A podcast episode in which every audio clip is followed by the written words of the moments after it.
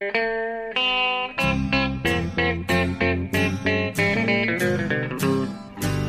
out there, we're on the air. It's hockey night tonight. Tension grows, the whistle blows, and the puck goes down the ice. The goalie jumps and the players bump, and the fans all go insane. Someone roars, Bobby scores at the good old hockey game. Oh, the good old hockey game is the best game you can name. And the best game you can name is... Hallå, hallå, hallå, hallå, hallå, hallå, hallå, hallå, hallå, hallå. Hallå, hallå, hallå, hallå och välkomna till NHL-podcasten med hallåmannen eh, Jonathan Onskan Ekeliv som ni hörde där i Stockholm och mig då Per Bjurman som vanligt i New York City. Det är dags för vårt 262 avsnitt är det va? Jajamän, 262. 262. Tänk vad vi har, har pratat mycket strunt genom åren. Hur länge vi har hållit på. Har vi blivit klokare eller har vi blivit dummare? Jag vet inte. Förmodligen eh, både och. Både och kanske, ja faktiskt. Ja. ja, och det är lite speciellt idag. Vi är lite krassliga båda två. Jag, eh, dels var jag ute igår, eh, här har vi öppna kort. ja, precis. Du passar på en ledig kväll.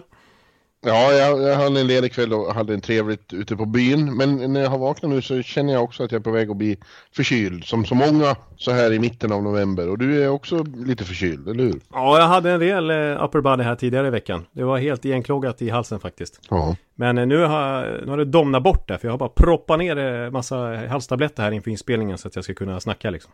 Så just nu känns det helt okej okay nog faktiskt. Ja, vad bra. Men då vet ni ifall ni tycker att det är lite mycket basröster och, och skrovligt och, och så. Så finns det naturliga förklaringar till det. Ja. Ja. Ja, och nu har vi eh, mycket att prata om. Vi kan väl bara i förbigående ta, vi har inte hunnit spela in sen, sen ni hade Tampa och Buffalo på besök i, i Globen. Mm. Och bara helt kort så var väl det, det känns som det var de bästa matcher som har spelats där borta. Att det det mest succéartade, att det var mest drag och bäst hockey och så. Ja, det, ja, men jag tyckte ändå det var bra matcher. Just det här faktum att det inte var premiär utan att det var mitt i säsongen och båda lagen hade något att spela för och hade en story bakom sig som de kom in till de här matcherna med. Mm. Eh, Mm. Så att, eh, jag tyckte det var, det var ju fullsatt i båda matcherna, bra drag. De hade till och med en liten egen Tampa-bar nere vid Tele2 efter matchen där. Det- Cigar City-öl, det vill säga lokal Tampa-bärs liksom. Så det var ju häftigt att, att träffa på lite jänkare där. Ja, Det, det var amerikaner som hade åkt över alltså? Jajamän, Jaha. från både Florida och från eh, uppifrån Upstate New York. Så Ja. nej, jag, jag tyckte det var en eh, trevlig upplevelse och två Tampa-segrar också, vilket jag var väldigt nöjd med förstås. Ja, de spelar ju bra där. Det kändes som att de kanske vände rent av på säsongen åt sig själva där, Tampa. Ja, Vilket ju möjligen då också bekräftades nu när de kom hem och krossade Rangers igår. ja precis, exakt. Eh, nio mål gjorde de. Nio mål. Ja, avstannande. Det finns ju ett gentle- gentleman's agreement i NHL att när man har gjort nio så slutar man ju mål för det är förnedrande att göra fler. Men det hade de ju lätt kunnat göra. Ja, publiken i hela tredje perioden skrek We want ten! We want ten! Men det, Ja. nej, det såg Tampa till att så, eh, någon måtta får det vara liksom. Och då, istället var det faktiskt Rangers som vann sista perioden med 2-1. De är ju noga med sånt där, Tampa, att det ska gå, gå rätt till, annars får ingen bli kränkt. Ja, det De blir ju är kränkta själva så lätt. återkommande story genom åren. Ja, Det är faktiskt så. När, när Ovechkin går och, och släpper klubban på mittlinjen för att den är för het att hålla i. Aj, aj, aj, aj, jag gör för mycket mål på Tampa. Då var det kränkt. I eh, västra Florida kan jag säga. Ja, så har det varit ja. Eh, men eh, nu har vi, det var så länge sedan de där matcherna var så att vi, vi har liksom inget... Eh, det känns inaktuellt att prata om nästan. Ja, precis. Vi, vi, vi får gå vidare från det. Det har hänt så mycket mer sedan dess också. Som vi vill eh, greppa tag i. Ja, eh, jag vet inte vart vi ska börja i, i för ända men det är väl ganska lätt att, att, att börja med Don Cherry då.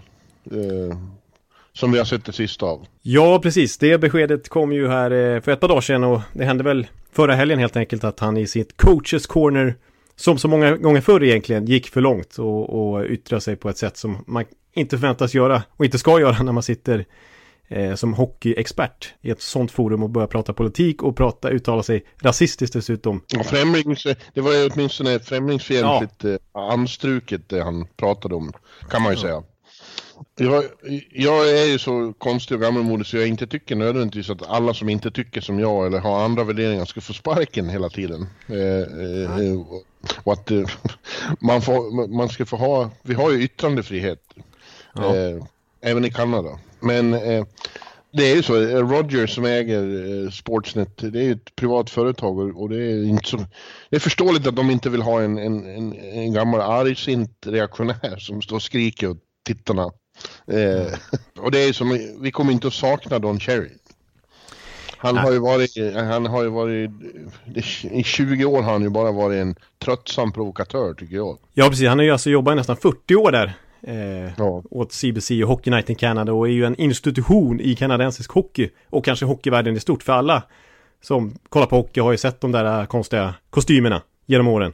Och hört ja. hans utspel och det mot Sverige har han ju, han har ju alltid varit så extremt pro Kanada och liksom mot, inte minst svenskar och europeer och alla andra nationer i princip överhuvudtaget. Ja. Han har ju varit med och, och liksom elda på Chicken Swedes och kallade, när han själv var NHL-tränare och hade Hardy Åström som målvakt så kallade jag honom för The Swedish Civ. Mm. Det svenska sållet. Ja. och när, jag kommer ihåg, han var ju, det var ju väldigt kontroversiellt när, när det blev obligatoriskt med visir och han sa att nej, visir, varför ska det vara obligatoriskt? Det, det är liksom, nordamerikaner behöver inte sånt, det är bara för fransk-kanadensare och för svenskar och europeer. Ja, han har ju varit väldigt anti fransk-kanadensare. Det är ju väldigt känsligt i, i, i Kanada. Precis, konsekvent ofta sagt Patrick Roy istället för Patrick Roy till exempel. För han vill inte ta liksom fransk-kanadensiska ord i sin mun. Nej, Nej det är en fåntratt är det ju tycker jag. Eh, och eh, bortsett från att, ja det har ju såklart varit det allvarligaste det här med de här främlingsfientliga tendenserna och, och ja, allmänt reaktionära framhållning men det hockeymässigt har han ju inte heller bidragit med något på 30 år, han, eller 20 år. Han känns ju som han har, ingen, han har liksom ingenting eh, intressant att säga om samtida hockey. Nej, precis. Det är bara gamla liksom, floskler om, om uh, manlighet och skit. Liksom. Ja, det var ute redan på 90-talet när han skulle liksom iscensätta sina 70-talsvärderingar ungefär i praktiken. Eh, när han hade ett eget juniorlag i OHL där, Mississauga. Och eh, nej, inga svenskar, inga europeer, ingenting annat. Bara knappt några amerikaner. Det ska vara kanadensare liksom. Mm. Och de tog 16 segrar på tre säsonger. Ja. Gick aldrig till slutspel. Ja, han, eh, han kommer säkert tillbaka i någon form. Det finns, eh, det finns plattformar eh, för konservativa i Kanada också. Men vi, vi få sörjer ju att vi inte får se honom i Hockey Night in Canada. Frågan är vem vi får se istället. Det, det har ju pratats en del om att det kanske är Brian Burke som ersätter honom i Coaches Corner. Ja. Och eh, det vore väl, då får vi in en, då får vi den ändå månghövdade publik som finns där uppe.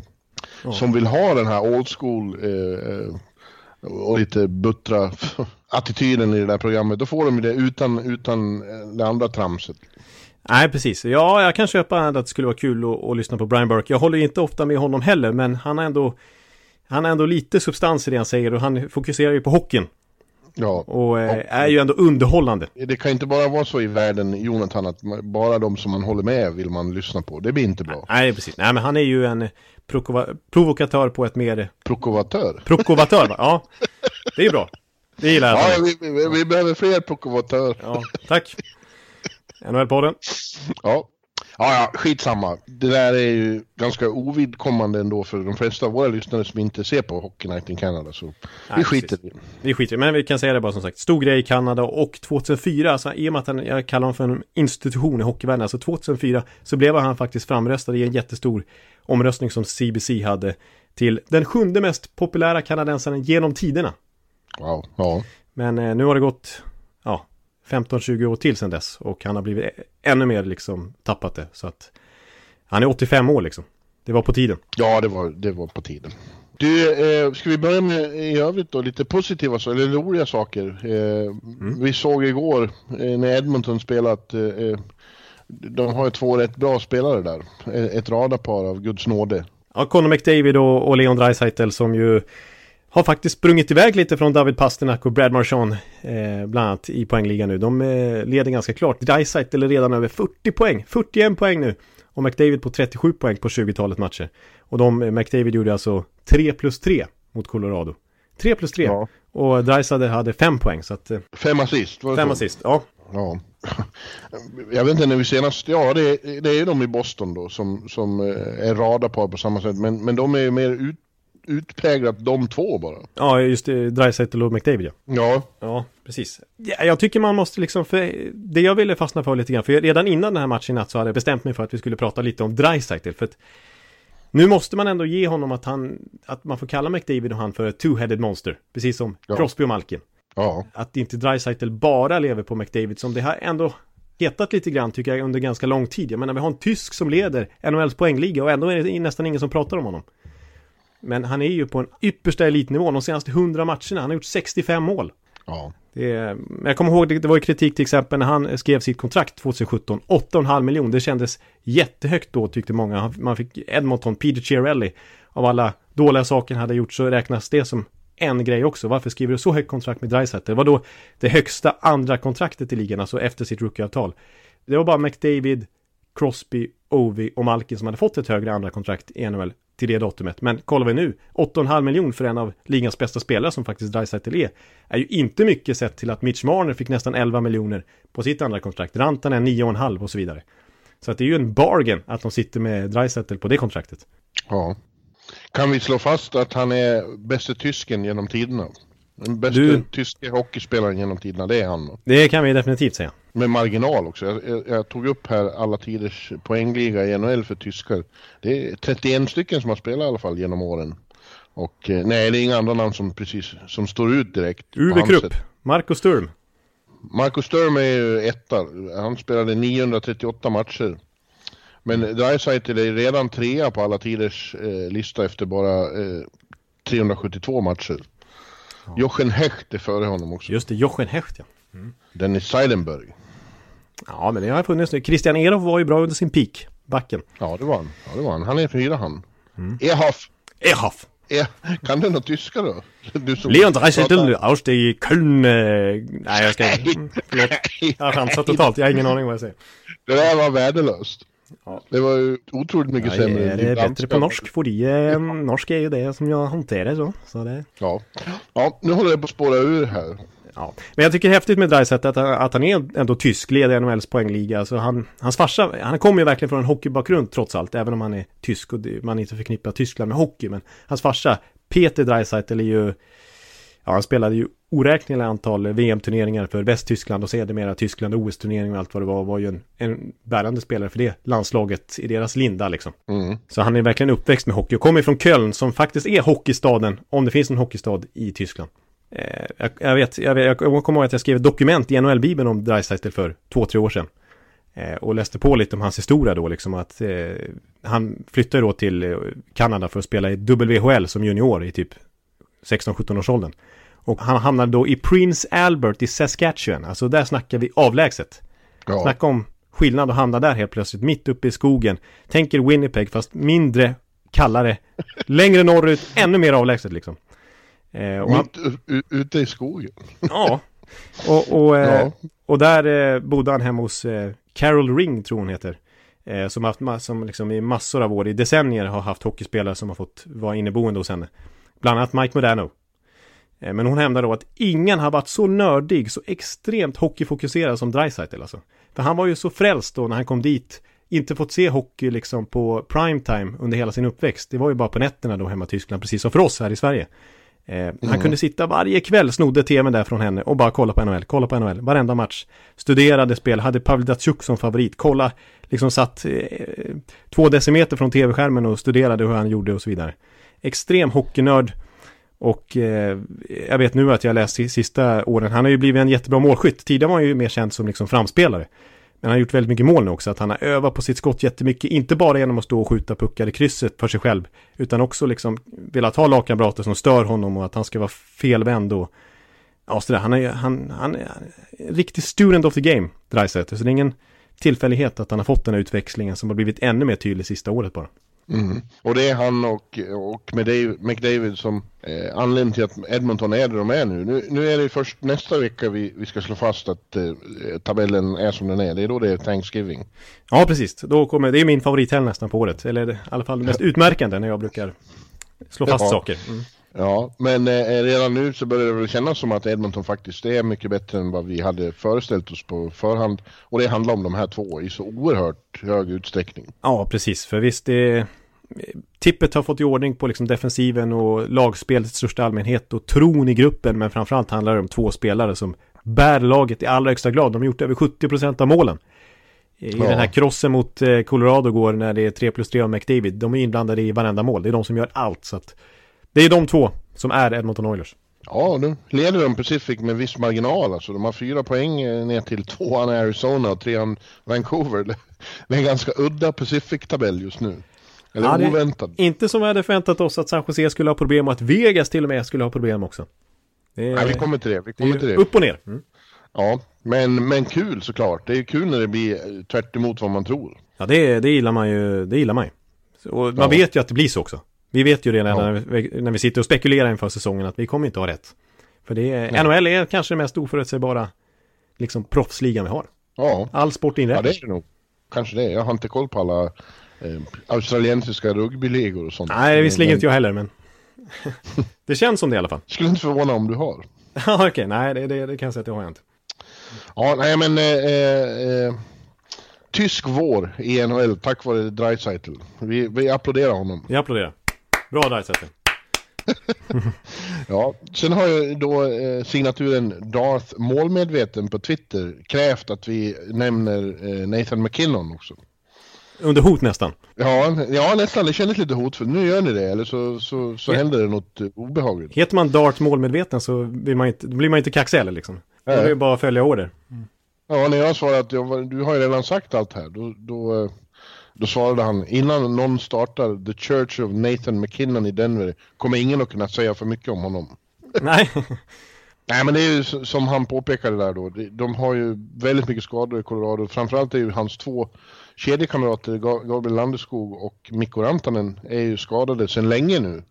Och eh, McKinnon eh, gör allt själv, faktiskt. Ja. Han har ju varit helt enorm här på slutet. Ja, det har han varit. Och han, jag tycker han, faktiskt han har varit hela säsongen. Det har varit extra mycket på slutet. Han har haft matcher med 2 plus 2 och sådär. Men det tog, ju faktiskt, det var först i 14 matchen tror jag som han inte gjorde poäng i en match. Den här säsongen. Så han är ju extremt jämn också. avlossar fruktansvärt många skott. Det vet jag som har honom i fantasy. Ja, exakt. Mm. Det är bara Ovechkin som, som skjuter mer. Precis, och jag vet ju det sen förra året. Då hade jag han och vann hela fantasyn. Mycket tack vare McKinnon. Ja. Alltså, Ja, Jag tycker att vi har sagt ganska mycket om McKinnon. Kanske inte nu i höst faktiskt, men jag menar under hela våren. Jag kommer ihåg att jag nästan lyfte upp honom på McDavid-nivå. Inte på den nivån, men jag liksom pratade om att ja, Crosby håller jag fortfarande väldigt, väldigt högt också. Att eh, McDavid etta, Crosby tvåa, så sa jag McKinnon trea. mm.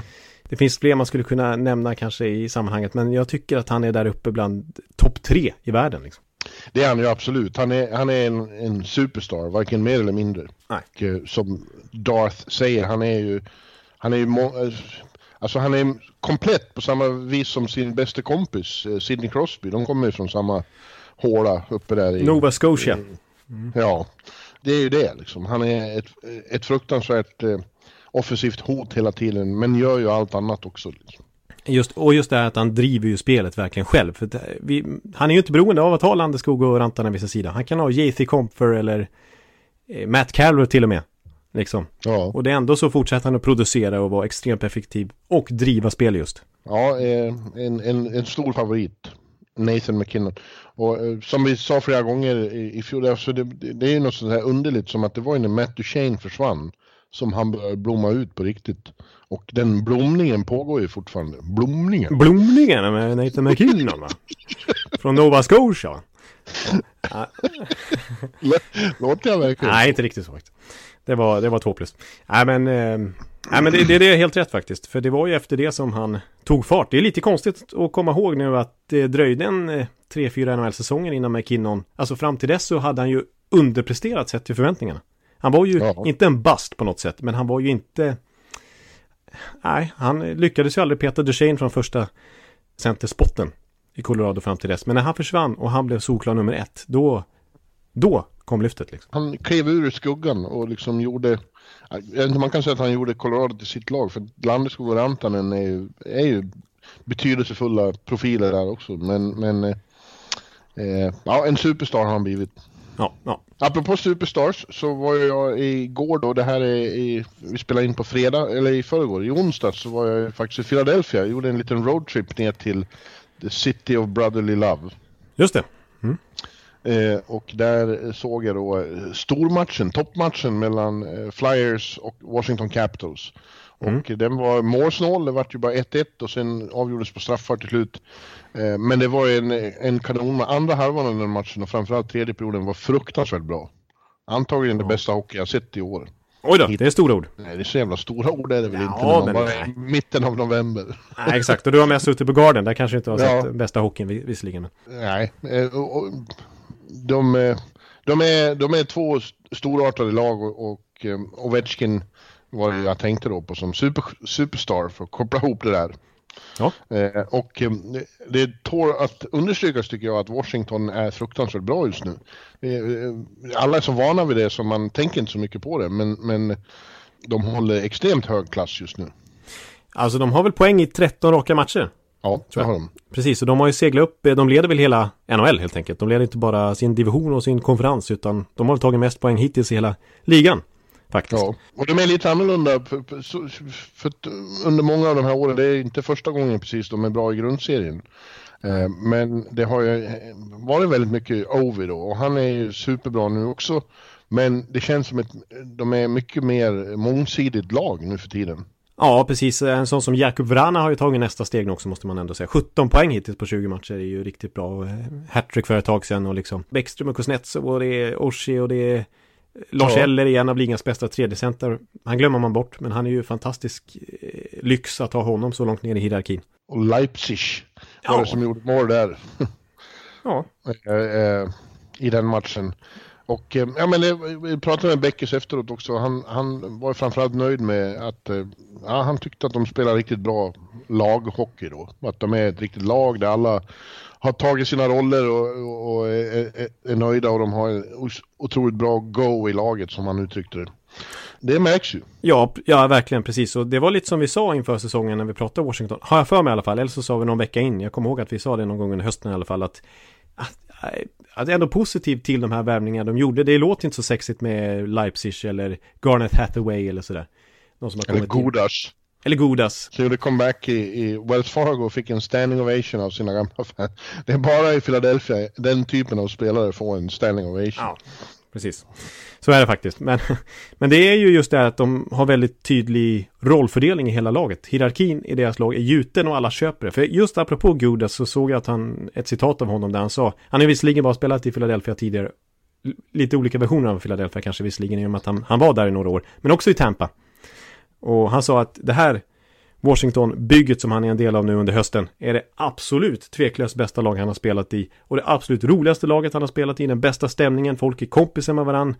Allihop är liksom polare. Mm. Och de mm. har kul, de alla litar på varandra, de har fullt förtroende för spelsystemet. Han har inte varit med om det tidigare, att det har varit sån, att det har liksom varit så gällat så bra.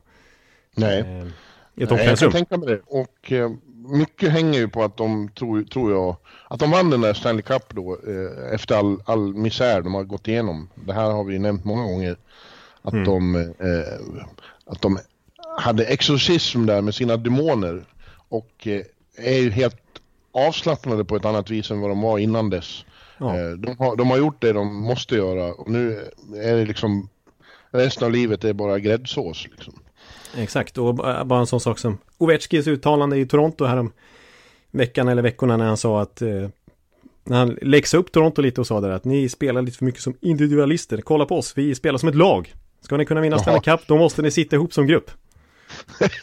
När Alex Ovechkin säger det åt, åt ett lag, då är det illa. Då, eh, det måste man ändå säga. Alla fördomar kan ha om Ovechkin, men det, det är inte det första man förväntar sig ska säga så. Trots Nej. Eh, Nej men det, mm. just för att det där har hänt förut hade man sagt ja ja det är slutspelet säsongen börjar för dem. Men i och med att de har gjort det nu och, och har en sån harmoni så kan vi slå fast att, att Washington kommer att vara ett väldigt hot om Stanley Cup-titeln även i vår. Absolut, de kommer, de kommer bli livsfarliga och kan absolut vinna hela skiten igen. Så är det ju bara. Ja. Jag tycker det är lite ologiskt och en konstig koppling här nu, men att apropå det här och laget för jaget som det verkligen är i Washington nu att Niklas Bäckströms mållåt, vet du vad det är för något? När han gör mål, han gör inte mål så ofta, men han väl sätter kassar hemma i Washington, då spelas Here I go again on my own Like a drifter I was born to walk alone Whitesnake, Ja. eh, gamla hårdrockbandet. David Coverdale heter sångaren. Ja, den kuriosan får du stå för. Du låter ju lite som Coverdale här, Mr. Ja, precis. För en timme sedan hade det låtat väldigt bra tror jag, som, som eh, innan halstabletterna vet du. Då hade jag gjort en kanonimitation tror jag. Ja, Ja, ja. det var en eh, parentes. ja, det var en parentes. Vi, vi får nästan gå vidare. Det är svårt att göra en segway från den tror jag. Ja, men jag måste, jag måste ju nämna Philadelphia också då. Ja, absolut. Ja. också är, är, är, är väldigt bra. Det var väldigt trevligt att komma ner till Wells Fargo som är nu har, har snofsats upp ordentligt. Och jag gjorde ju dig på mycket dåligt humör genom att berätta att, eh, att eh, den coolaste jumbotronen hänger inte längre i, i, i Amalie Arena i Tampa. Utan det nya monstret de har i Wells Fargo är faktiskt ännu häftigare. Det vill du inte höra.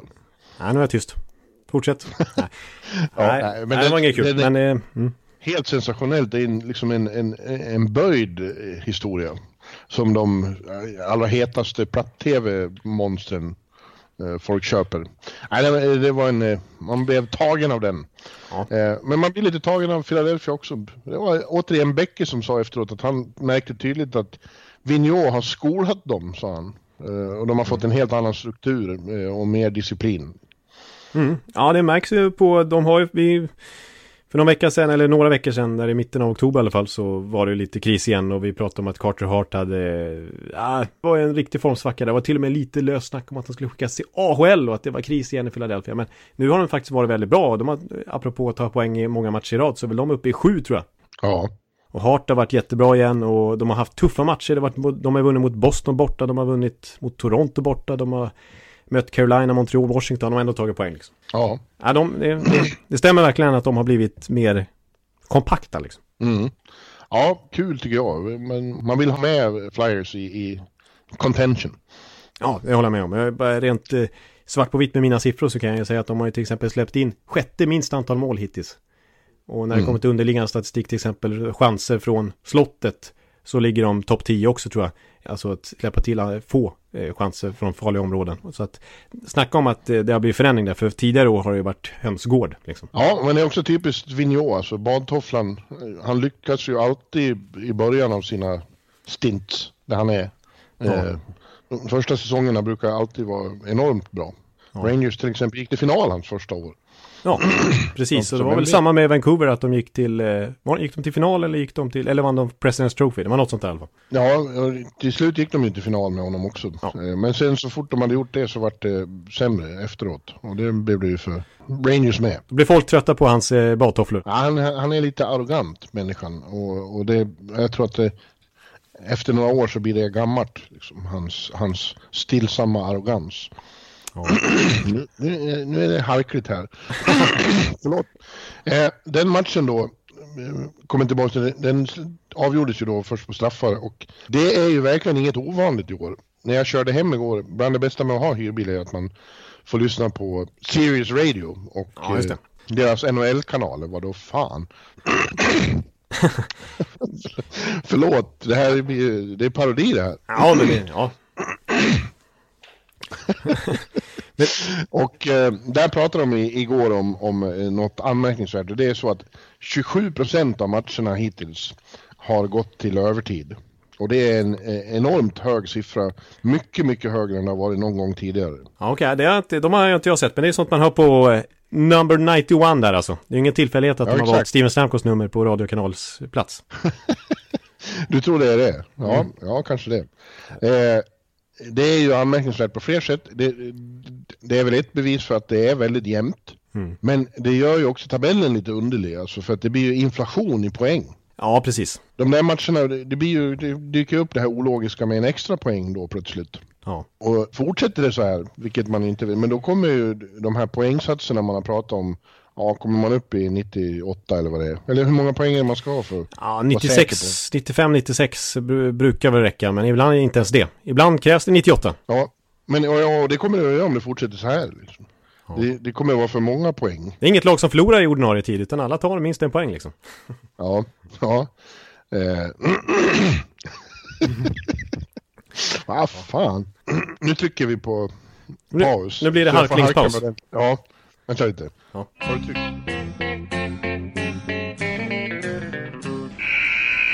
Jag låter ju som en Tom Waits-skiva här som rullar på, som har fastnat i ett hack. eh, ja, men, men eh, ja, det där är väl, eh, det var bara en intressant eh, iakttagelse tycker jag, att, att så många matcher slutar med förlängning. Ja, precis. Och som du säger, framförallt är det väl ett bevis på att NHL bara blir jämnare och jämnare med tanke på lönetaket. Som var tanken från början.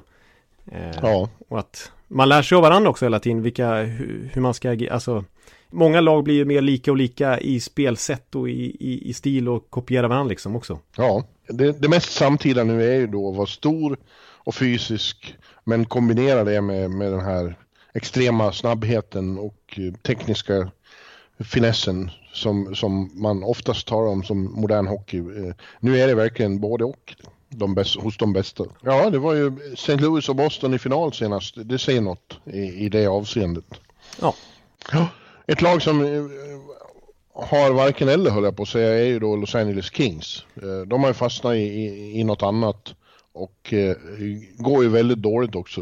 Eh, ja. Och eh, de har fler problem än, än bara hockeymässiga, eller hur man ska se det.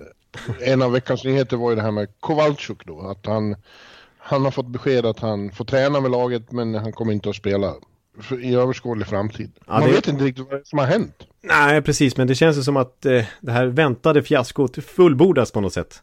Eh, ja, visst är det så. Det sa vi allihopa egentligen redan då att det är dumdristigt att skriva ett tvåårskontrakt uttaget med honom, men framförallt ett treårskontrakt, att ett lag faktiskt gick med på det, hans villkor där.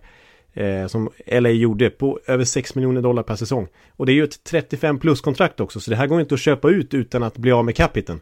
Eh, man, man sitter kvar med de där 6,25 tror jag miljonerna dollarna ändå, även nästa säsong. Så att det är jättesvårt att ja. trada det här kontraktet och det är jättesvårt att bli av med det på något sätt. Det är ju som Pierre LeBrun sa, det, till och med om en alien skulle komma och plocka upp honom med ett rymdskepp och köra iväg honom till Mars så kommer LA Kings fortfarande ha 6,25 miljoner dollar i capita kvar. Liksom.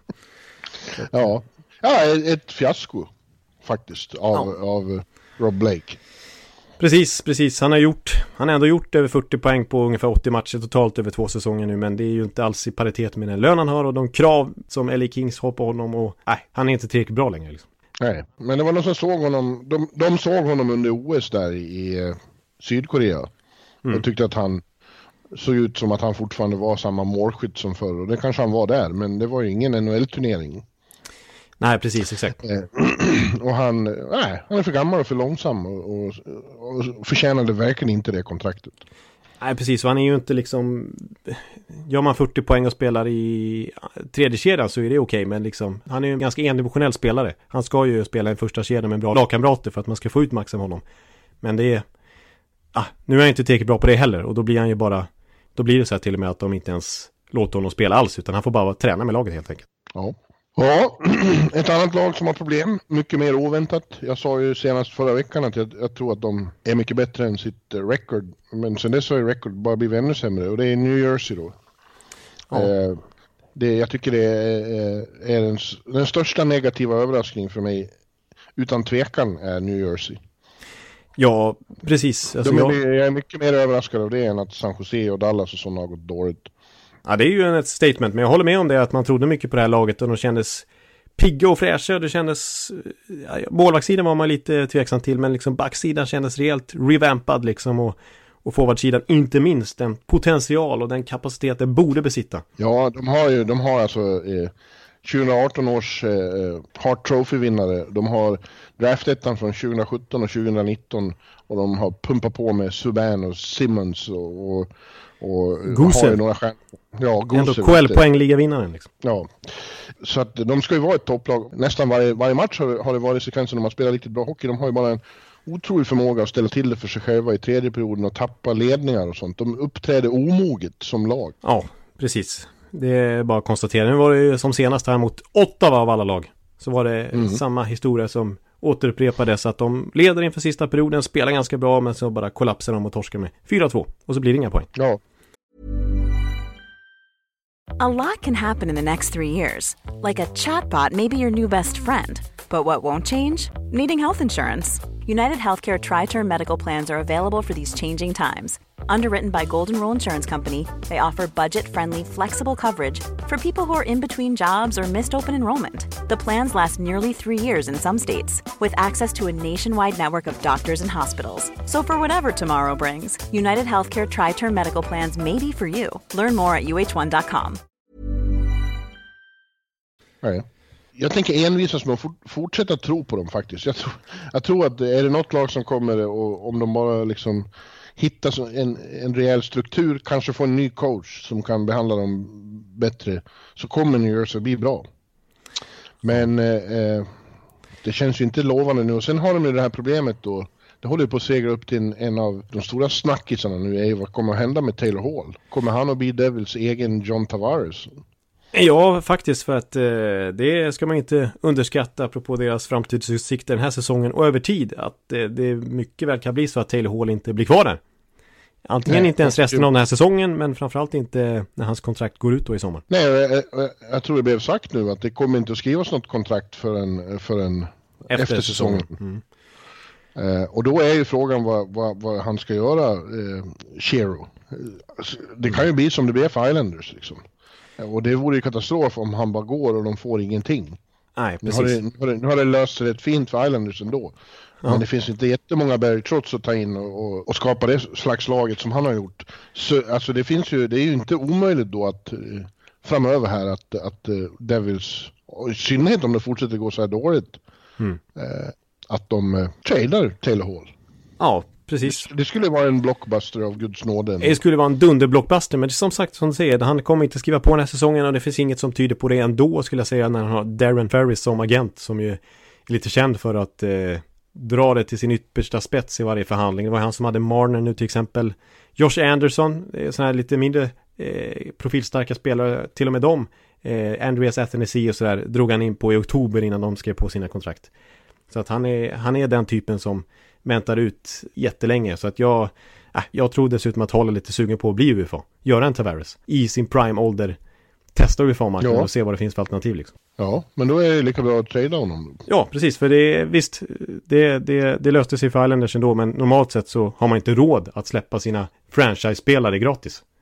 Utan Nej. då gäller det att plocka in det man kan få hova in så mycket som möjligt. För att man ska, för att liksom transitionen från en sån förlust ska bli smooth.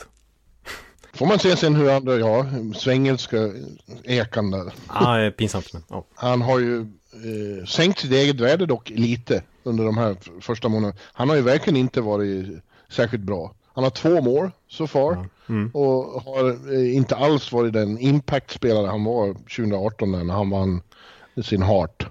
Så och det är lite konstigt, det är kontraktsår och han eh, eh, har varit så dålig på att visa upp sig hittills. Det är inte helt lyckat. Nej, precis. Man brukar ju prata om att ibland att sådana här spekulationer om att man ska lämna kan vara en distraktion. Och det, men vi har sett ganska samtida exempel på där det inte har varit det. Panarin som sätter klubbrekord i poäng för eh, Columbus här om året. Steven Stamkos gjorde ju väldigt bra faktiskt sist, sista år där och Tavares gjorde det bra också. Så att, eh, men Taylor Hall, nej, han verkar inte ha huvudet på rätt ställe för att han presterar inte alls på den nivån som han gjorde innan skadan visserligen men också framförallt då Hart-året. Ja, det blir, det blir mycket spännande att följa det och, och även om han har haft en kraftig start på säsongen här så kommer det i så fall att bli en sjävla huggsexa. Liksom. Det är många som vill ha Taylor Hall i så fall. Ja, precis. Om, eh, jag menar, om Devils dessutom kanske kan tänka sig att behålla hälften av lönen resten av säsongen så att hans capita bara landar på 3 miljoner dollar. Då är det ju väldigt många lag som har potential att plocka in honom också. Även contenders som ligger nära taket. Ja. Eh, men över tid kan jag bara nämna att det pratas lite om Colorado till exempel. De har ju löneutrymmet, de har assets för att trada till sig honom. Ja. Kanske skulle kunna vara något. Snacka om powerhouse, det skulle kunna bli ytterligare där då. Verkligen. Det är nästan skrämmande. Mm, mm. Ja, du nämnde i förbigående där Ottawa att de slog eh, Jersey och um, jag tycker det är lite kul med Ottawa. De, de är ändå, de är ju där de är och har ett uh, lag utan stjärnor. Men de sprattlar till duktigt uh, då och då, slår storlag och, och jag tror det kommer att fortsätta så. De kommer inte att gå till slutspel, men de kommer skära viktiga poäng av många. För de, de har något uh, fint på gång där som gäng, tycker jag. Ändå. De har ju liksom, spelar ju totalt utan förväntningar. De förväntas ju förlora var, varje match de spelar, ja. ungefär. Och Nilsson är bra i kassen. King Kong, Anders Nilsson. Han är väldigt bra. Ja. Då, jag tycker ändå att det är lite underhållande spelare som Brady Kachak och Thomas Chabot. Bra spelare liksom. Ja, Kachak är ju alltid rolig att se för det blir ju alltid liv och det händer alltid något. Vare sig det liksom är ett snyggt mål eller en någon eh, konstigt eh, gurgel så är det ändå Mm. underhållande liksom. Ja. Deras grannar är också en positiv överraskning tycker jag. Montreal Canadiens. Eh, kanske är så att vår eh, eh, svenska framstående Montreal Canadiens supporter, den ibland lätt argsinte Dan Augustsson, Ja. hade, hade rätt förra säsongen när han slog fast att Montreal är bättre än vad de flesta experter tror. Och eh, eh, det inkluderar ju oss då. Vi, vi, vad pratar vi om? Att de är ett komplett lag men har för lite spets. Ja, precis. Så att de kommer vara med i slutspelsracet hela vägen men falla på mållinjen i den tuffa Atlantic-konkurrensen. Ja, nu är, nu är de tvåa i Atlantic. Eh, tre poäng bakom Boston. Eh, Och en poäng före Toronto är det viktigaste för dem. Ja, precis.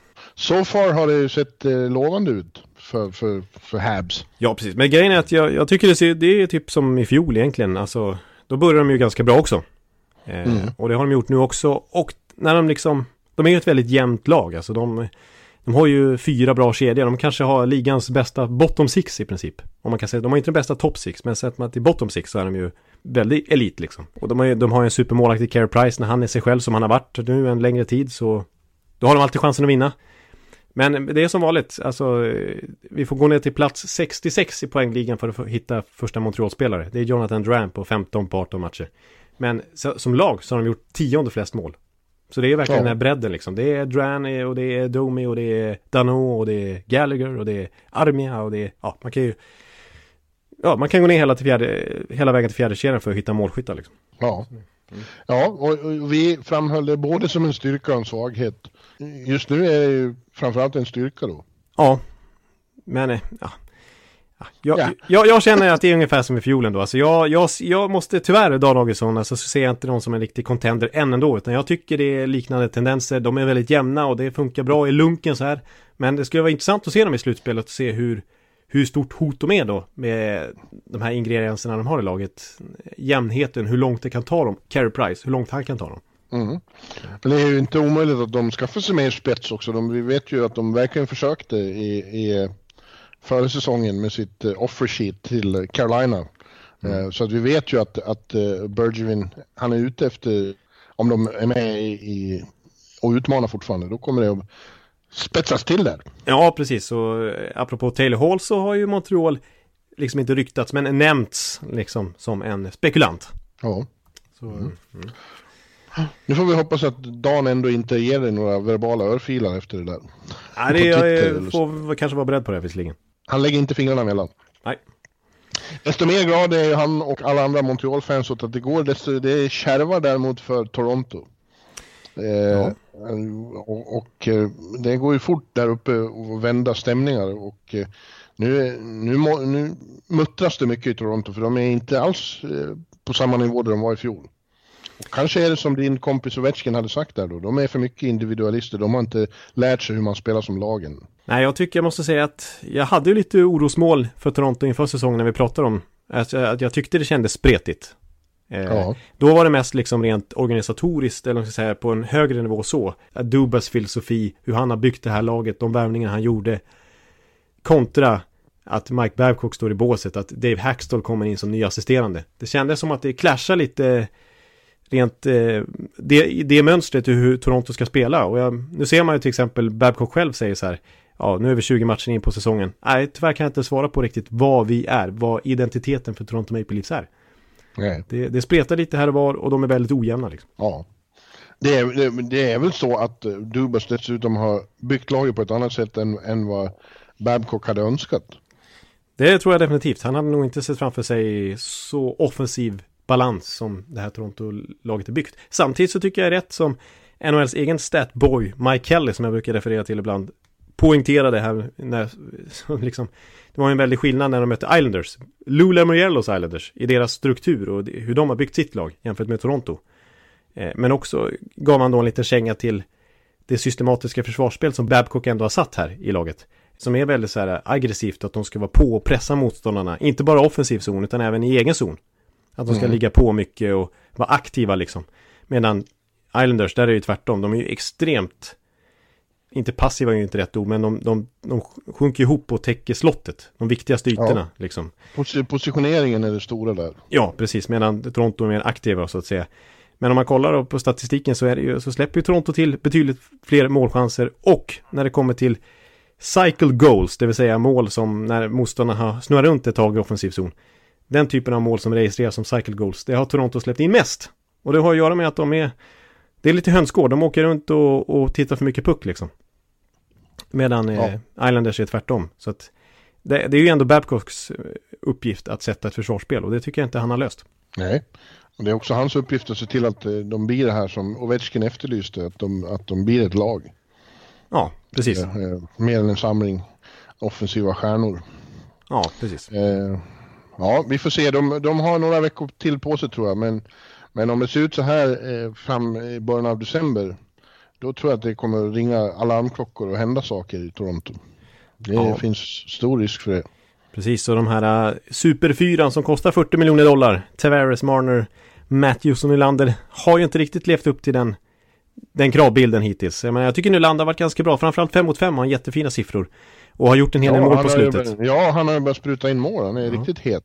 Ja, precis. Men Marner till exempel som är skadad nu och blir borta ett tag. Han har gjort noll mål 5 mot 5 till exempel. Eh, mm. Tavares har ju precis kommit tillbaka som skada. Matthews har ju varit bra och gjort mycket mål och ligger, hänger med i toppen av målligan. Men ah, det är ju inte, inte Dreisaitl McDavid-nivå direkt på den här toppfyran. Ja. Nej, just det. Marner är skadad också. Det, det, var ett ämne jag hade tänkt vi skulle komma in på också, eller åtminstone nämna. För jag får för mig att det är mer skador än någonsin här i början på, på betydande spelare. Det känns väldigt tråkigt att så många går och haltar och ska bli opererade och grejer. Nu är Crosby borta i sex veckor också. Han ska operera ljumsken.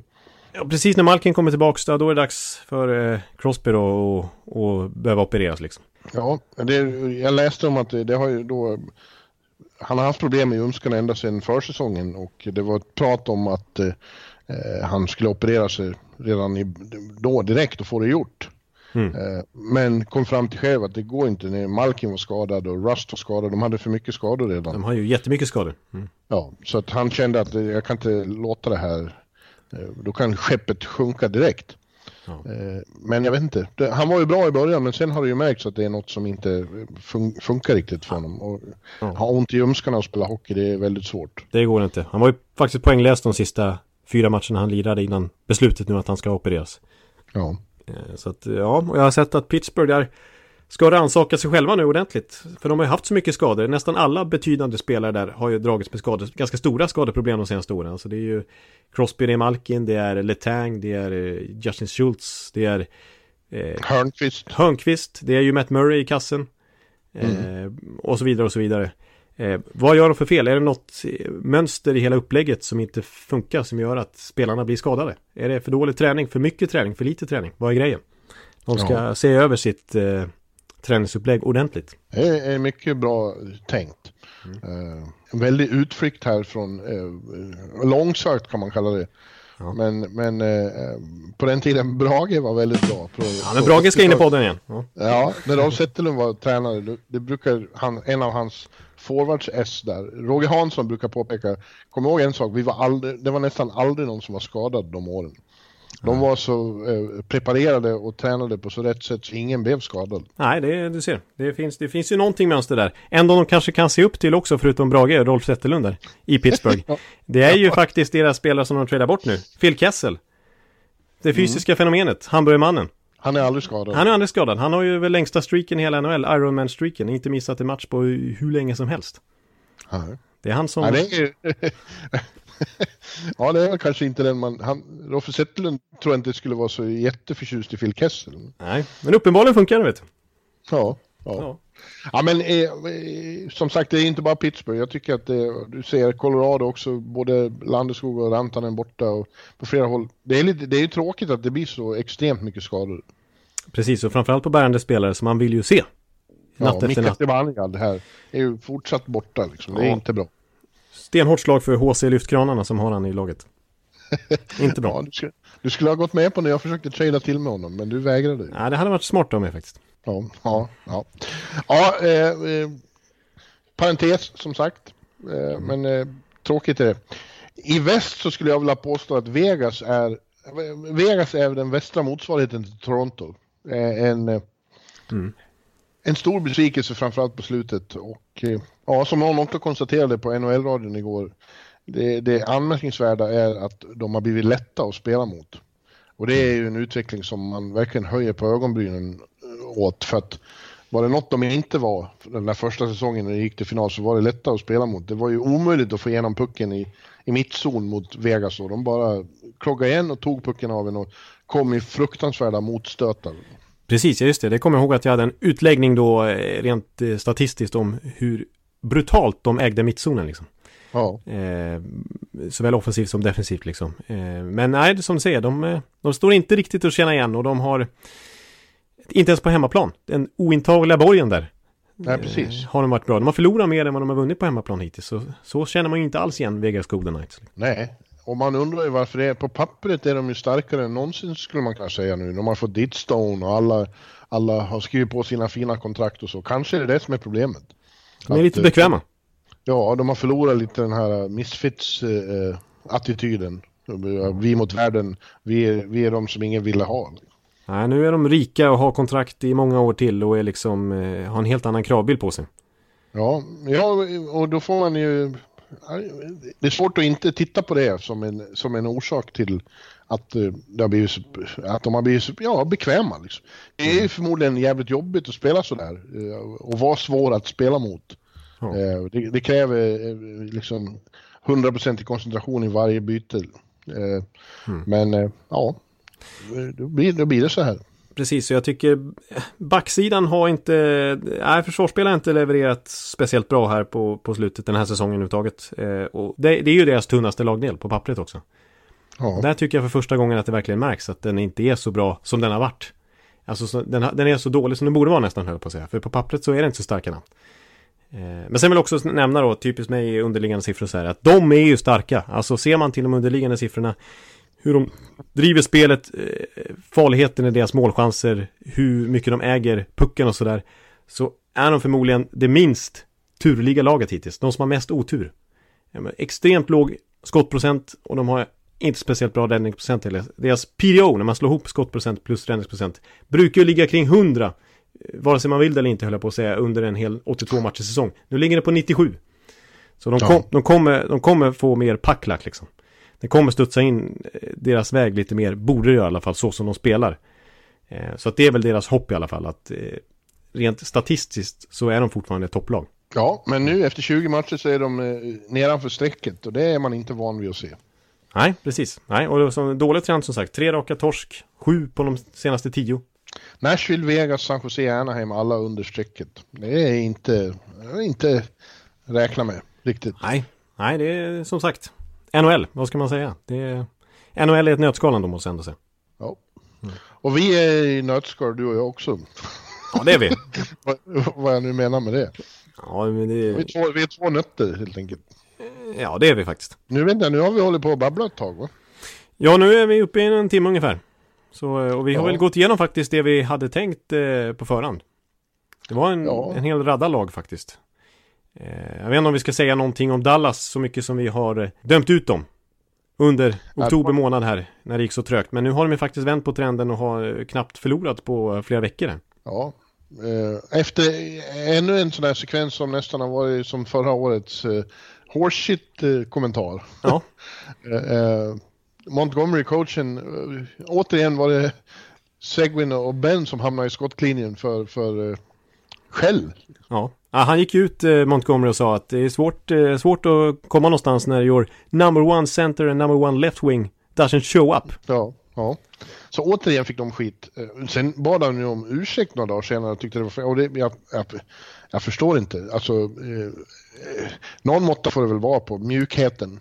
Ja. En coach måste få skälla på sina spelare och, och, utan att behöva be om ursäkt för det. Nej, precis. De har, vad har de, 9 miljoner? Ja, båda har nästan 10 miljoner dollar i årslön. De, de ska ju inte ligga på så här 5-7 poäng efter 12-13 eh, matcher. Liksom. Nej, och de ska inte bli ledsna för att de får skäll heller. Nej. Som, som det stod eh, i spelargången i Detroit, eh, i, i The Joe, när de gick ut och stod det To whom much is given, much is expected. Just det. Ja, Det är så det, det är, det är de kraven man kan ställa. Ja, Så är det bara. exakt. Och Detroit var ganska bra på att hantera det. Ja, vi tror ju på Dallas i den här eh, podden, eller hur? Och det fortsätter vi göra nu när de... Eh, ja. Ja, de har ju kommit igång. Det som har hänt är ju att eh, fjolårets ändå mönster har upprepat sig. Det är ju så att man är fortfarande liksom besviken på deras offensiv. På Segen och Ben fortfarande. På Radulov och hela gänget där. Den offensiva powern de har. Och, och Klingberg som är skadad nu också och inte var bra innan dess.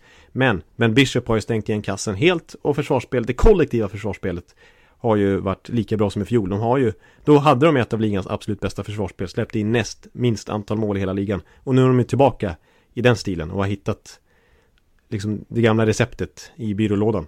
Hur de ska Mm. spela kollektiv hockey. ja, det gäller att komma ihåg eh, eh, det är ju viktigt för oss och, fansen, men ännu viktigare för klubbarna att komma ihåg och inte reagera för starkt på det som hände i oktober. Nej, precis. Är, så är det ju från år till år och ganska snabbt så kan eh, knutar lösa upp sig.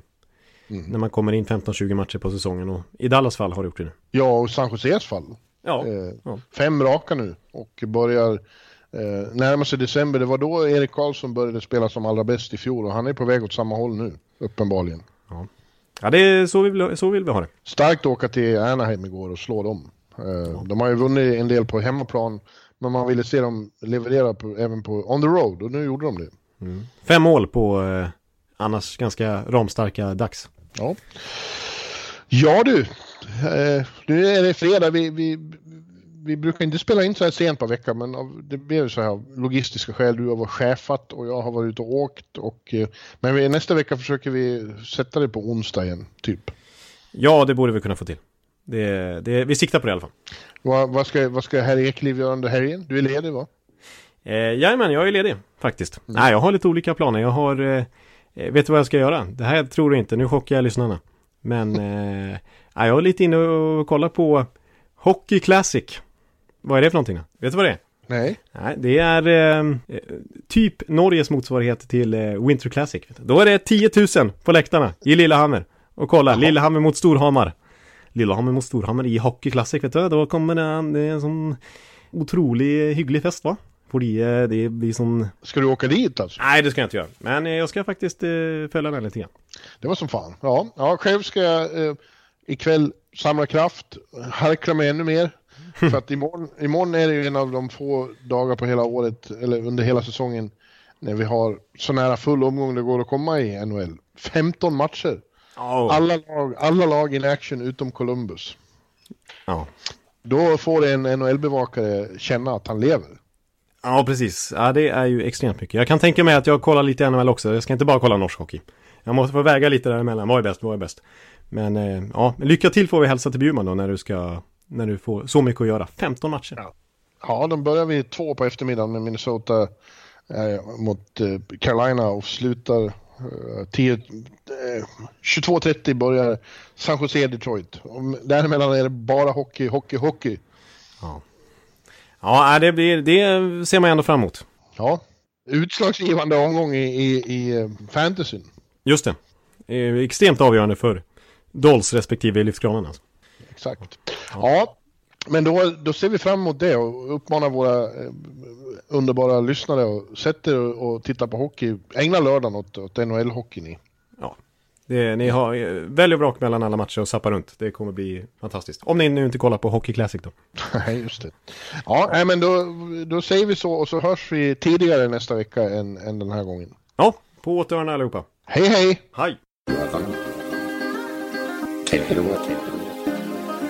Brother. Take it away. And everybody at home, please remove your hat, stand up, stand up, stand up, stand up. And everybody at home, please remove your hat, stand up, stand up, stand up, stand up. Oh Canada, oh